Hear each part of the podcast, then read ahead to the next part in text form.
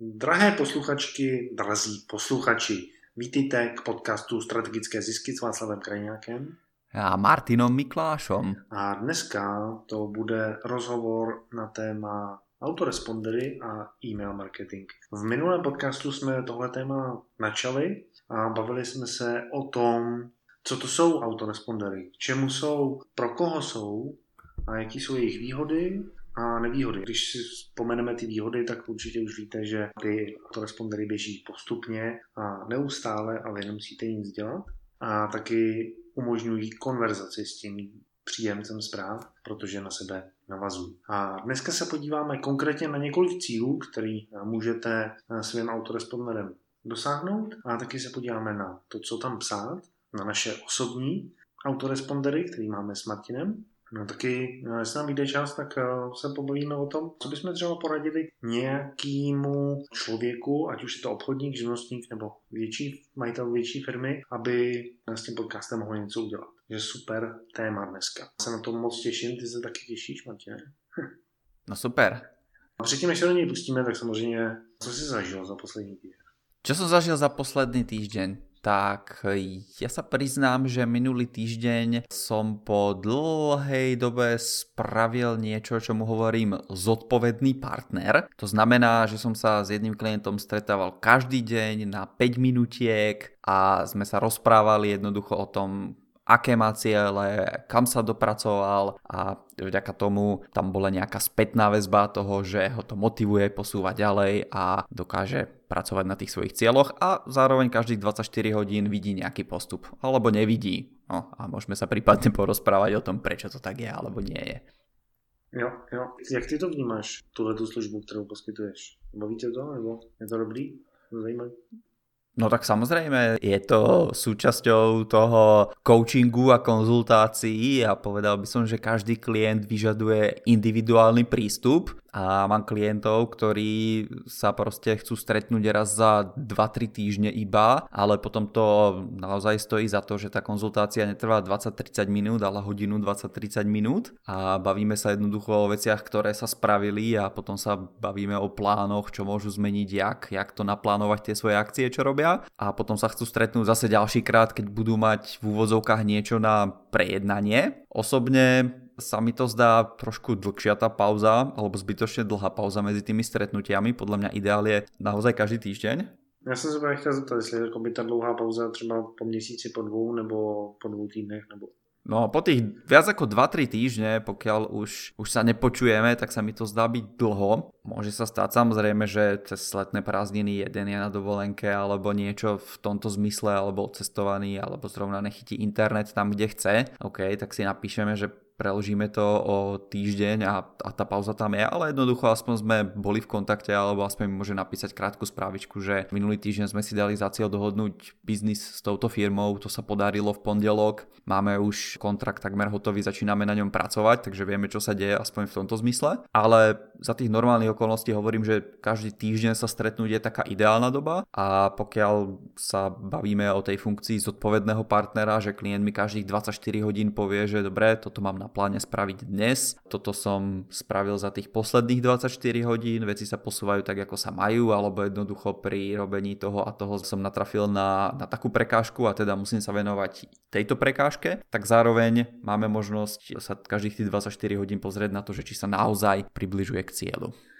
Jsem teď eh, dělal hodně věcí na Clipsanu, jsme zveřejňovali zrovna dneska v momentě, kdy nahráváme ten, ten podcast, tak odcházel eh, newsletter, kde jsme zveřejnili novou funkci pro formuláře. O tom jsem mluvit nechtěl, já jsem eh, chtěl mluvit o tom, že jsem byl minulý týden v pátek na VIP akci pro klienty, kterou udělala firma který jsem zákazník. Je to firma Business Success, oni jsou na trhu už 20 eh, let. A tak si pozvali zákazníky, kteří jsou s nimi další dobu a udělali pro ně zahradní párty. A byl tam nějaký program, bylo to zároveň oslava vzniku té firmy, takže prostě i majitel, i ředitel té firmy, tak prostě si z toho něco odnesl. A já jako host jsem tam byl a tím pádem jsem si to užil a přišlo mi to jako super nadstavba, co můžou firmy udělat pro svý dlouhodobý klienty. Jo. Většina těch eh, firm těch zákazníků, co tam byli, tak s tou firmou komunikuje už třeba, dejme tomu, tři, čtyři, v mém případě šest let,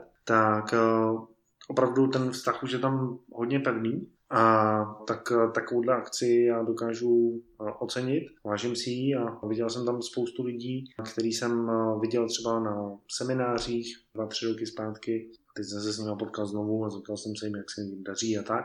Bylo to spojené s takým networkingem a prostě bylo to taky jako odlehčený a mně to přišlo jako skvělý nápad takovouhle akci udělat a možná i v mojí firmě a jednou za rok, abych se potkal s svýma zákazníkama naživo, protože většinou ten biznis děláme přes internet a tím pádem zase posunul ten vztah trošku dál, myslím, myslím rozumíš. Jo, ešte ma napadá, ja sa ešte trošku vrátim k tej otázke, čo si sa pýtal, že ako to vnímam ja, keď napríklad s klientom robím iné veci než pravidelne, tak e, to máš tak, ako keď napríklad niekto chce byť dobrý fotbalista, alebo hokejista, alebo bežec, alebo čokoľvek, tak aj tí olimpijskí športovci alebo fotbalisti majú tých svojich koučov alebo trénerov a považujeme to za úplne bežné. A jeden, jeden príklad ohľadne tejto témy, tak s tým som sa stretol aj počas týchto letných prázdnin, keď som cestoval, tak som sa stretol s jedným známym, s ktorým som sa pár rokov nevidel a on hovoril, že akorát pred pár týždňami hrá na bubon a že si povedal, že sa zlepší, takže tiež si našiel kouča tak hovoril, že za posledné dva týždne, čo ten coach mu povedal, že čo má cvičiť, ako má cvičiť s rukami, čo má robiť, ako trénovať tie rôzne rytmy a takéto veci. Takže vďaka coachovi za dva týždne, že toho spravil viacej ako za posledných 2, 3 alebo 5 rokov, čo sám seba trénoval. Takže tou úlohou toho coacha je nielen to povedať si, že OK, jednoducho máme dobré skúsenosti napríklad s nejakým anglickým tímom a proste tam fungovali tieto postupy, ale keď príde napríklad napríklad do Česka alebo na Slovensko, tak si povedať, že dobre, tak tu použijeme ešte okrem tých anglických postupov ešte nejaké iné postupy, aby sme sa dostali dopredu. A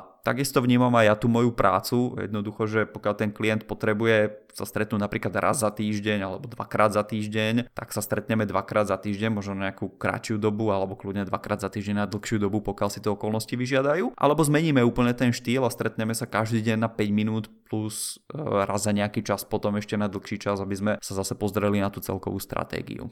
Jo, tak mně to přijde jako v celku normální, jakože mluvit o svých věcech. Ono je to hodně těžký, protože my jako podnikatelé tak jsme na všechno sami a jako probírat eh, firmní věci s manželkou, to může být způsob, ale manželka není ten podnikatel a nemá ty zkušenosti, takže jako ty rady asi budou určitě dobře míněný, ale nebudou to ty správní rady. Když to, my jsme se o tom bavili několikrát na tom podcastu, že když eh, se bavím s konsultantem nebo s koučem, který komunikuje s desítkami podnikatelů, tak eh, je pravděpodobnost, že ten problém, kterému se teď eh, musím eh, věnovat, který bere moji pozornost, tak už někdo z těch eh, jeho klientů řešil. Tím pádem nalezení té cesty k řešení, tak je no, trošku jednodušší. A samozřejmě musím to zaplatit penězma, ale jak říká Dan Sullivan, což je coach, on to říká takhle. Pokud máte dost peněz vyřešit problém, tak nemáte problém. Takže jeden ze způsobů řešení problémů je o tom eh, přitáhnout si do týmu nebo k sobě osobně nějakého konzultanta, kouče a využít to. A pokud to bude Martin, tak eh, za mě palec nahoru, je to to. Tak a dneska se teda podíváme na ty autorespondery, to je hlavní téma dnešního podcastu. A my jsme si tady posledně řekli, že autorespondery to jsou série e-mailů, které jdou za sebou. Někdo je dopředu naprogramoval, a připravil v nějakém eh, softwaru, ale museli taky v hlavě vymyslet. A to vymýšlení, o tom jsme se taky posledně bavili, tak eh, většinou začíná s tím, že mám nějaký cíl. A těch cílů může být několik, ale aby jsme si tak jako řekli ty základní cíle, dáme si k tomu nějaký příklady, tak um, můžeme začít třeba tím cílem, že já jako podnikatel, já jako Václav Krajňák, nebo já jako firma Klepsan, tak chci vybudovat důvěru s potenciálním zákazníkem abych potom měl ulehčený prodej. Nebo aby ten člověk, který si ode mě e-maily čte, tak aby věděl, kdo já jsem zač a věděl, že mám nějaký hodnoty a cíle a podle toho dokázal důvěřovat v to, že mu nebudu prodávat nějaký bullshit, ale že mu budu prodávat kvalitní produkty. Jak ty bys, Martine, uchopil ten cíl vybudovat důvěru. Popsal som to dobře, nebo bys tam ešte niečo dodal? Ešte by som sa zamyslel nad dvoma vecami o tom, že vôbec prečo, prečo budovať tú dôveru a to sa zase musíme pozrieť niekde do minulosti, kde nám výskumy ukazujú, že, alebo nemusíme ani sa pozerať na nejaké výskumy, ale zamyslite sa sami nad sebou, keď za vami príde váš známy a vy sa zrovna rozhodujete medzi tým, ako si kúpite pračku, alebo umývačku, alebo auto, alebo sako, čokoľvek, to je jedno v tomto momente. A vy ste v tom procese a uvažujete napríklad medzi dvoma značkami alebo medzi dvoma obchodmi, do ktorých by ste chceli ísť a príde za vami známy, ukáže vám nové sako alebo povie, ja vieš čo, ja som si práve teraz kúpil novú pračku a jak si s ňou spokojný a tak a povie vám značku, kde to kúpil, no tak vy čo spravíte, pretože ste boli v tom procese rozhodovania, tak sa rozhodnete takisto, ako sa rozhodol ten váš známy. A toto je cieľ aj v tom online svete, že vy sa chcete dostať do toho štádia, že ste známi a že vám ten človek, ktorý si číta tie vaše e-maily, môže veriť. No a na základe toho, že vám niekto verí, tak vy môžete dávať odporúčania a nemusíte až tak veľmi v úvodzovkách tlačiť na tú pílu a predávať niečo niekomu, ale jednoducho vy tomu človeku len poradíte. A potom Václav ešte povedal druhú vec, že to budovanie dôvery, aby tí ľudia spoznali hodnoty vašej firmy, tak to je tiež zaujímavá vec, pretože vy pokiaľ ako podnikateľ dokážete ľuďom povedať, že toto sú veci, na ktorých nám záleží. Napríklad cieľom našej firmy je vybudovať pračku, ktorá bude mať najlepšiu spotrebu vody, elektriky a zároveň najviac vyperie to prádlo bude najčistejšie. Hej? Možno, že tá firma už nepovie, že vďaka tomu, aby toto dosiahli, tak ten prací cyklus nebude trvať 20 minút, ale bude trvať 2 hodiny 20 minút. Hej? Zase z nejakých testov, keď si prečítate, tak viete, že pračky, ktoré perú dobre, perú extrémne dlhý čas. Takže možno, že toto už tá firma nemusí dávať do tých svojich hodnot, ale zase, vy pokiaľ toto dokážete vysvetliť v tom svojom e-maile, tak si zase vybudujete dôveru a môžete v budúcnosti lepšie a ľahšie predávať tým svojim ľuďom. Jo, takže to je jeden z cílů, který může ten autoresponder splnit a pokud takový cíl mám, tak bych měl uvažovat nad tím, že ten autoresponder vytvořím. A těch cílů může být víc. Já bych je teď prošel, aby jsme měli přehled. Cílem může být taky třeba prodat. Vyloženě online prodat, abych do toho nemusel nějakým způsobem zasahovat. Cílem může být, aby ten čtenář přišel na schůzku nebo na nějaký seminář, který děláme. Cílem může být taky uvítat ho do naší rodiny. To znamená, že pokud mám třeba blog, tak eh, toho člověka přivítám do komunity, která se schromažďuje okolo toho mého blogu. A cílem může být taky pozvat lidi na webinář a motivovat je k tomu, aby na ten webinář opravdu živě dorazili. A samozřejmě cílem může být i vzdělávat klienty, aby právě rozpoznali ten rozdíl mezi kvalitním a nekvalitním produktem. A těch způsobů, jak to udělat, může být víc. Martin tady rozebral poměrně dobře to, proč budovat důvěru. Martin, ty, když jsme se na tohle vysílání připravovali, tak jsi říkal, že ta důvěra se dá ukázat velice dobře tím, že buď budu posílat spamy, nebo budu posílat eh, normální e-maily, jako e-mail marketing. Jak, jak ti to tam vychází finančně? Vyplatí se to víc spamovat nebo e-mailovat? Tak záleží na tom, ako máte veľkú databázu a koľko chcete zarobiť peňazí. Ja som si tu spravil v minulosti výskum. Tie čísla dneska už môžu byť trošku inakšie vďaka tomu, že tie spam filtry sa stále vylepšujú a veľa mailov, ktoré sú odosielané ako spam, tak sa vôbec nedoručí. Takže čo som si ja našiel, tak vypočítal som hodnota kontaktu vo vybudovanej databáze a porovnal to s tým, keď chcete zarobiť niečo cez e-mail. A vyšlo to tak pekne, že hodnota kontaktu v databáze, s ktorou máte vzťah, tak môže byť 1, 11 alebo 15 eur na každú reklamnú správu, ktorú rozošlete. Takže naozaj sa môžete pohybovať v krásnych číslach. A teraz na strane druhej som si našiel nejaké dáta ohľadne spamov, koľko spamov musíte rozoslať. Tak ako taký benchmark alebo nejakú takú hodnotu, ktorú som si povedal, že chcem zarobiť 1000 eur. A teraz pokiaľ chcete zarobiť 1000 eur, tak musíte doručiť 714 797 e-mailov. Aby ste tých 1000 eur zarobili, pretože štatisticky, koľko ľudí si to otvorí, prečíta, preklikne sa ďalej, niečo nakúpi a tak ďalej, sa dostaneme na nejaké číslo. Ale pokiaľ máte vybudovaný ten vzťah, tí ľudia vám dôverujú, tak tú istú kampaň stačí odoslať iba na 67 e-mailov. A teraz sa zamyslite aj sami nad tým, že koľko tej internetovej infraštruktúry zahltíte na to, aby ste naozaj doručili tých 715 tisíc e-mailov takmer, koľko musíte obísť spam filtrov a tak ďalej, versus to, keď máte doručiť 67 e-mailov. Tých 67 e-mailov, aj keby vám tie nástroje nefungovali, ktoré to zautomatizujú, tak si buď sadnete vy alebo asistentka a jednoducho kopírovať, vložiť, možno zmeníte dobrý deň pán XY, nejaké oslovenie, aby tam bolo, aby to bolo individualizované a tých 67 e-mailov rozošlete aj sami.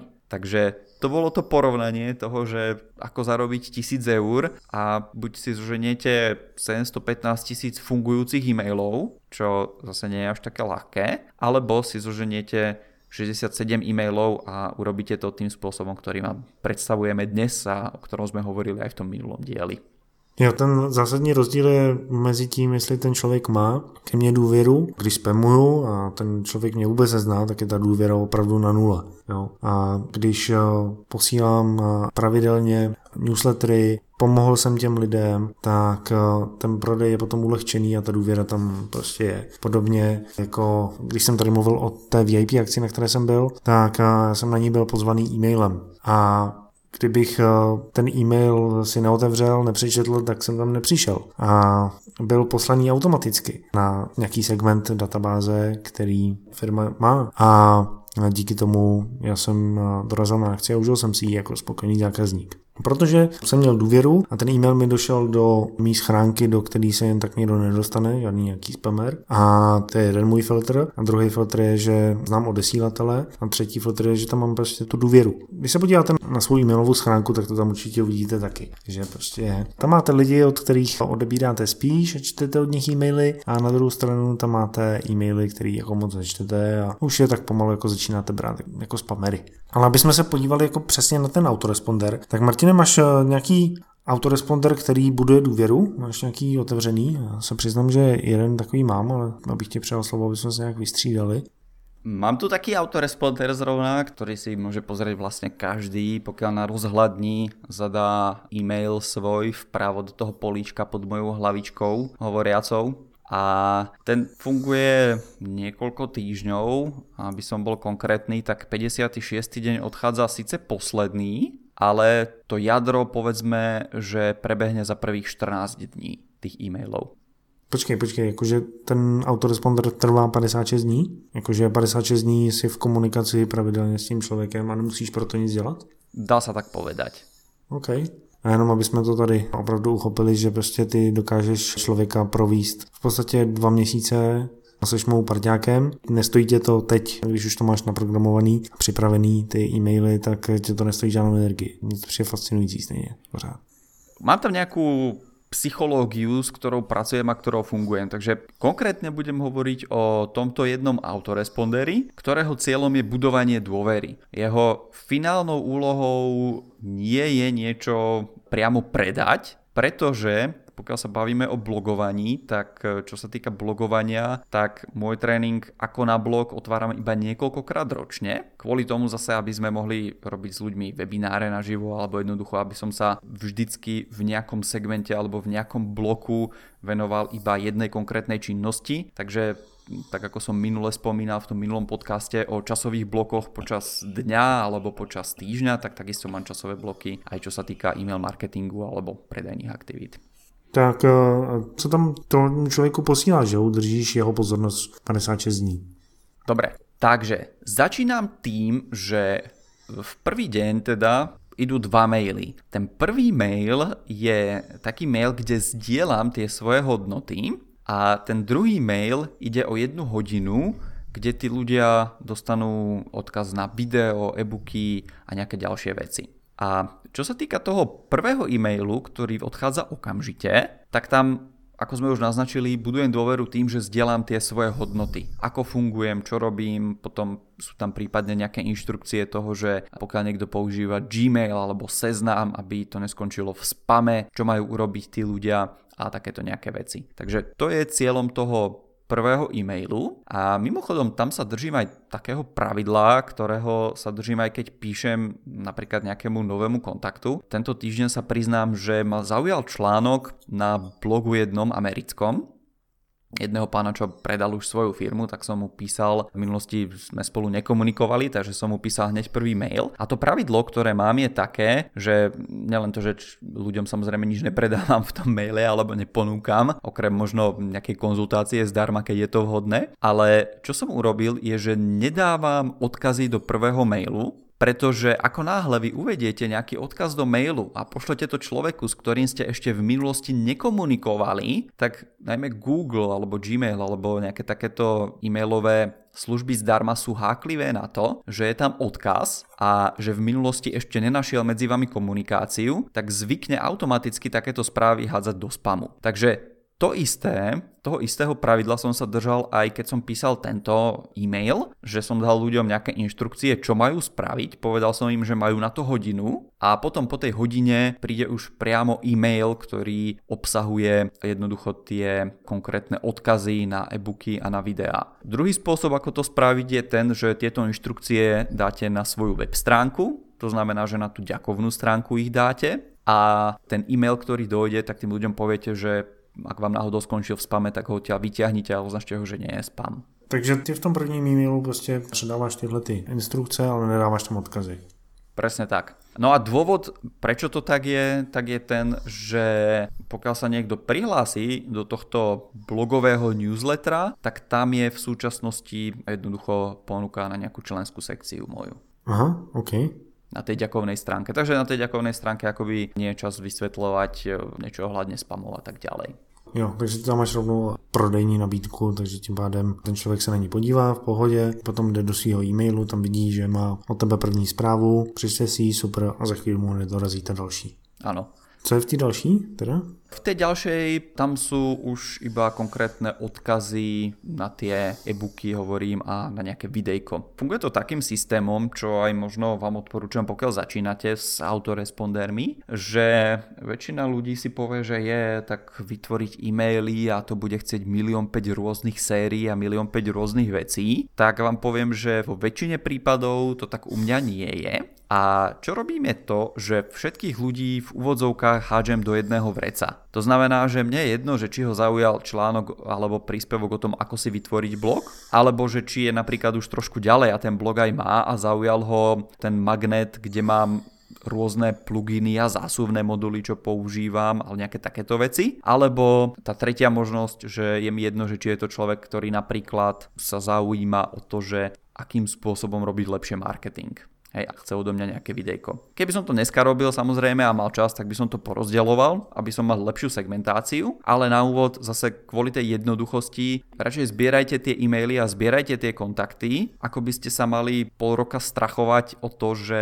dobre, teraz musím vytvoriť ďalšiu sériu, keď už tu jednu mám. Nemusí to byť pravda, môžete mať iba jeden úvodný e-mail, alebo si iba rozdelíte, budete mať tri úvodné e-maily a potom už tá séria, ktorá bude následovať, bude rovnaká pre všetkých. Takže ty si to prostě zjednodušuješ, abys to měl funkční a zároveň prostě se s tom vyznal a nepoužíváš všechny ty mraky nástrojů, který třeba právě zahltí toho, kdo se na e-mail marketing dívá poprvé. Presne tak. Mě by Martin zajímalo, co tam posíláš ještě dál prostě v těch dalších dnech do těch 56. Hej, dobre, ten druhý deň po prihlásení, to znamená, že e-mail, ktorý odíde 24 hodín po prihlásení, tak má trošku taký, poviem to, cieľ, ktorý je postavený na hlavu a to je odfiltrovať ľudí, ktorí nie sú moja cieľová skupina. To znamená, že človek si stiahne napríklad návod na to, ako si založiť ten vlastný blog, hej, a rôzne ľudia z toho českého a slovenského internetu mi posielajú tú spätnú väzbu a hovoria, že áno Martin, používam to vždycky, keď zakladám nejaký nový blog, hej, ja sa živím tým, že zakladám napríklad napríklad blogy, tak má pred sebou ten môj návod, používa ho ten človek. Takže viem, že sú to veci, ktoré fungujú. A ten druhý deň, čo príde e-mail, tak ten slúži na to, aby som odstránil z tej svojej databázy ľudí, ktorí nie sú mojou cieľovou skupinou. A ja to robím takým štýlom, že v tom maile je napísané, že napríklad posledných 6 hodín, v tom čase, keď som písal tento e-mail, som strávil odpovedaním na e-maily čitateľov a čitateľiek, písaním nových príspevkov a vzdelávaním sa. A potom tam píšem o tom, že blogovanie je síce zábavné, naplňujúce a tak ďalej, ale Na strane druhej treba preto aj niečo robiť, aby ten blog fungoval. Takže vyzývam ľudí, že pokiaľ nechcete nič robiť, pokiaľ sa nechcete dozvedieť nič nové, no tak kliknite na konci správy alebo kliknite tuto niekde v strede správy na odhlásiť sa a jednoducho prajem vám veľa šťastia. Ale pokiaľ ste človek, ktorý si uvedomuje, že všetko, čo chcete urobiť a poriadne to urobiť, tak vyžaduje nejaký čas, odhodlanie a snahu, no tak som pripravený jednoducho týmto ľuďom pomáhať. Hej? A to jasne mi rozdelí tú databázu na tých ľudí, ktorí vedia, že chcú niečo robiť a na tých, ktorí iba sú obsmrdači, ako ich nazývam ja. Jo, jo. Funguje to? Odlašujú sa tí lidi? Musel by som sa pozrieť na tie čísla, ale väčšina z nich ostane. Jo, jasne poviem tak, že pokiaľ si dobre pamätám, keď som naposledy pozeral na tie štatistiky, že tam bolo nejakých viac ako 80% otvorení tých prvých mailov. Super. No a potom, tam, co tam, 56 dní říkáš? Potom už sú nejaké konkrétne e-maily s tipmi. Mm-hmm. To znamená, ešte ten prvý týždeň, štvrtý deň, okamžite po tej odstrašujúcej správe posielam ďalší e-mail a ten e-mail ukazuje ľuďom, je tam myslím odkaz na článok. Hej, podaj by som týchto 7 vecí vedel predtým, než som začal blogovať. Teraz neviem, či je to článok zverejnený na blogu, alebo je to článok, ktorý je len napísaný do formátu e-mailu a jednoducho to tým ľuďom priamo takýmto spôsobom zdelím ten článok. Pozriem sa. Hej, je to odkaz na blog iba. Otvoril som si ten mail. Takže zase, pokiaľ sa bavíme o tých autorespondoroch alebo o tých správach, tak to nemusí byť vždycky iba nejaký siahodlhý e-mail, ktorý niečo vysvetľuje a hovorí tým ľuďom kde prvé tri e-maily ľudia dostali, hej, v tom prvom maili boli nejaké inštrukcie, v tom druhom maile boli nejaké tri odkazy, tou hlavnou vecou, v tom treťom maile bolo cieľom odfiltrovať ľudí z databázy, ktorí tam nepatria a tento štvrtý e-mail, ktorý stále odchádza v podstate v tom prvom týždni, tak je už iba odkaz na článok na blog. A je to nejaký článok s tipmi, ktorý som si povedal, že a tak toto je dobré, pre tých, čo chcú začať blogovať, tak im ho dám do toho autoresponderu. No a potom tie ďalšie e-maily, čo odchádzajú, tak už sú iba tipy na rôzne otázky, čo sa ma tí ľudia pýtali. Je tam napríklad nejaká séria o tom, ako si vybrať obrázky na blog, aké obrázky ja používam, prečo a tak ďalej. A končí to aj e-mailom ten 56. deň, kde dávam odkaz na nástroj, ktorý používam. OK. Tak to je bezva. Tak to děkuji, že si nám také dovolil nahlídnout pod pokličku k sobě do autoresponderů. Já když se podívám na ten svůj, tak ten je kratší. On nemá 56 dní, ale trvá týden a mám ho taky jakoby zjednodušený, Mám nějaký, který trvají 24 dní, ale ten, který jsem vybral, tak eh, je aktuálně na mých stránkách. Je to 8 typů pro lepší pozici ve vyhledávači a jsem těch 8 typů dával dohromady v roce 2012 a od té doby prostě mám pořád na blogu a pořád fungují, protože lidé si je radí čtou. A zrovna minulý týden jsem dostal zpětnou vazbu od jedné čtenářky ze Slovenska, s okolností, která říkala, ty já jsem čekala, že si to stáhnu a tak jako nebudu rozumět vůbec ničemu, a já jsem tam rozuměla úplně všemu. Děkovala mi za to, že jsem to tak, tu složitou technickou oblast tak jednoduše vysvětlil, takže z toho jsem měl, z toho jsem měl radost. No a ten můj autoresponder, který je na to napojený, tak má jenom tři kroky a funguje následovně. V tom prvním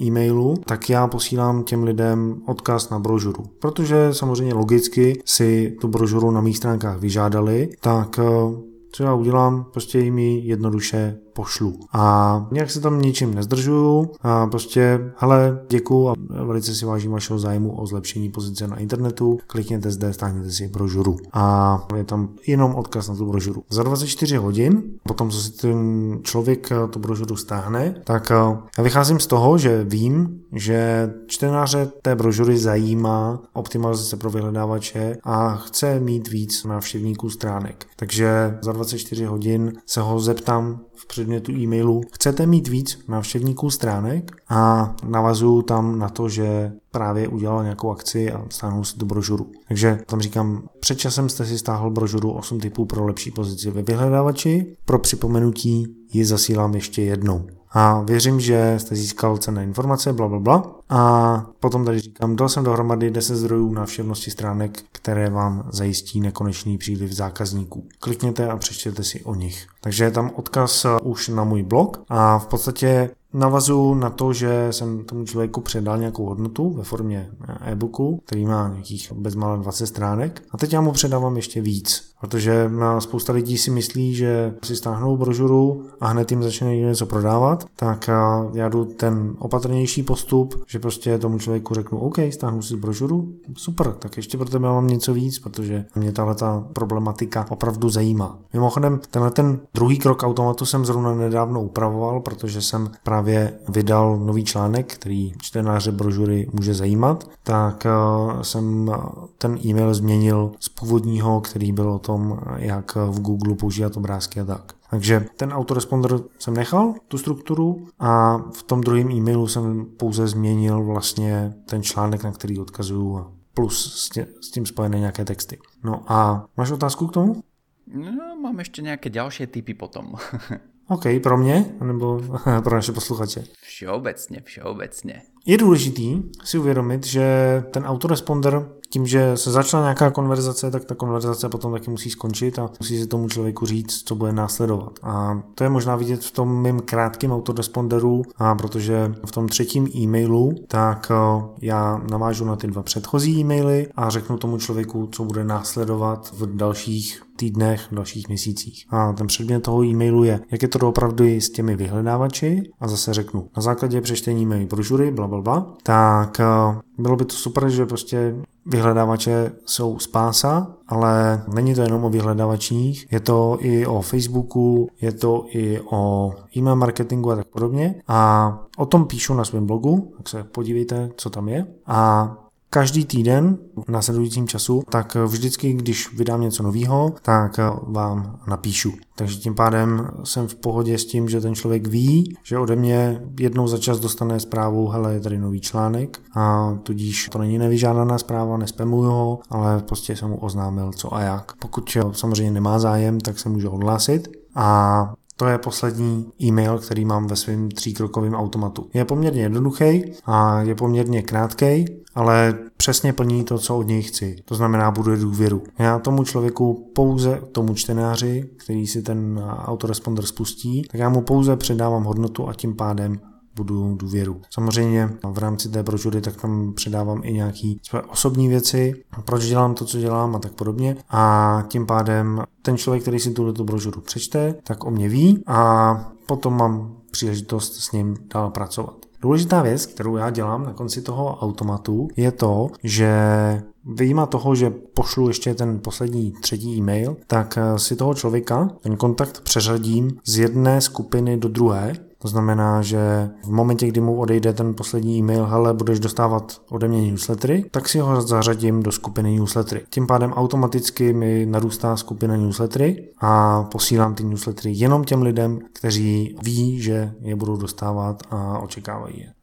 Možno nejaké také technické typy, toto čo povedal Václav, tak um, to vám umožňuje oddeliť si ľudí, ktorí sú ešte v tej úvodnej fáze a posielate im nejaké tie úvodné e-maily alebo sa zoznamujú s vami alebo tam máte nejakú sériu, do ktorej sa nehodí poslať, že aha, no tak teraz mám nový článok. Kdežto pokiaľ tá séria dobehne a ten človek nespraví čo chcete, to znamená, že nekúpi alebo jednoducho niekam nevstúpi, neprihlási sa niekam inám, tak vy si ho preradíte do ďalšieho zoznamu e-mailov a môžete mu posielať tieto newslettery alebo ako sa tomu hovorí broadcast e-mail, čo je opak autoresponderu a ten broadcast e-mail je taký e-mail, ktorý rozošlete na celú tú vašu databázu v určitom dni a hodine všetkým naraz. Takže to je rozdiel medzi tým autoresponderom, ktorý sa bude postupne odosielať napríklad 56 dní a medzi tým e-mailom, ktorý napíšete dnes večer a napíšete tým ľuďom dnes do polnoci, ešte máte šancu získať vstupenku na moju akciu tam a tam. Hej, takže taký malý rozdiel.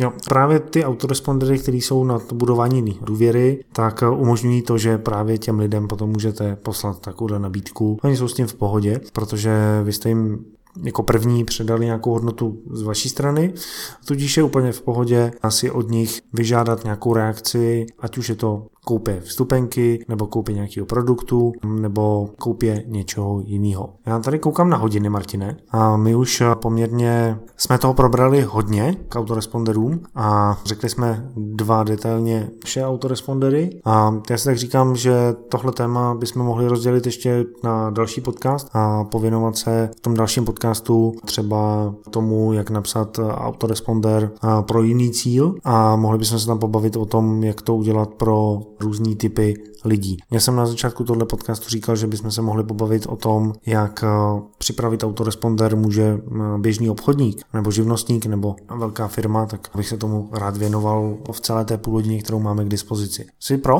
Správně to tak. Jo, a než se rozloučíme pro dnešek, tak eh, máš ještě nějaký tipy? Na základě toho, co jsem říkal, že by bylo fajn udělat, nebo na základě toho, co si teď se podíval na svoje autorespondery a máš tam nějaké vylepšení, co?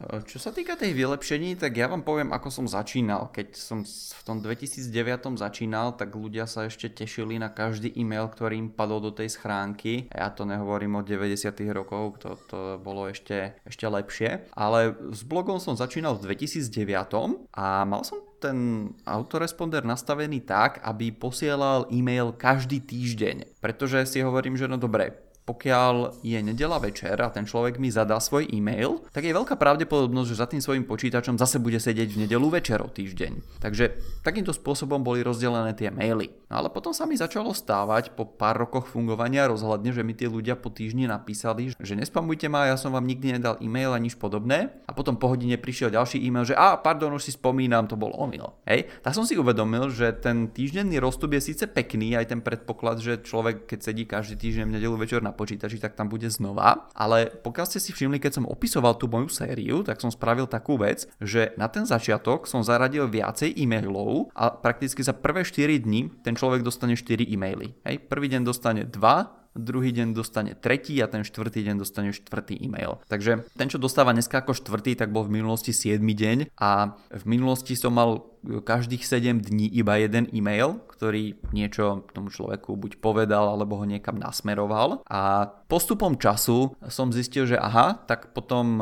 7 deň napríklad píšem o obrázkoch, ale začali vznikať ďalšie otázky ohľadne obrázkov počas tých rokov. No tak som po nejakom čase doplnil ďalší e-mail, ktorý napríklad odíde 9. deň. A toto je vec, o ktorej sa môžeme zase viacej pobaviť na budúci týždeň, ako to naplánovať pre ktoré odvetvie a čo tam robiť s tými e-mailami.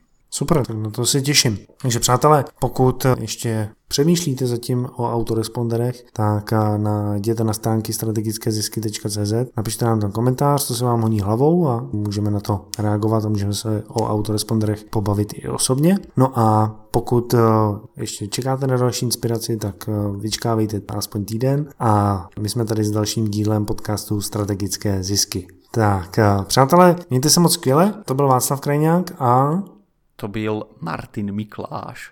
Mějte se úžasně. Do počutia o týždeň.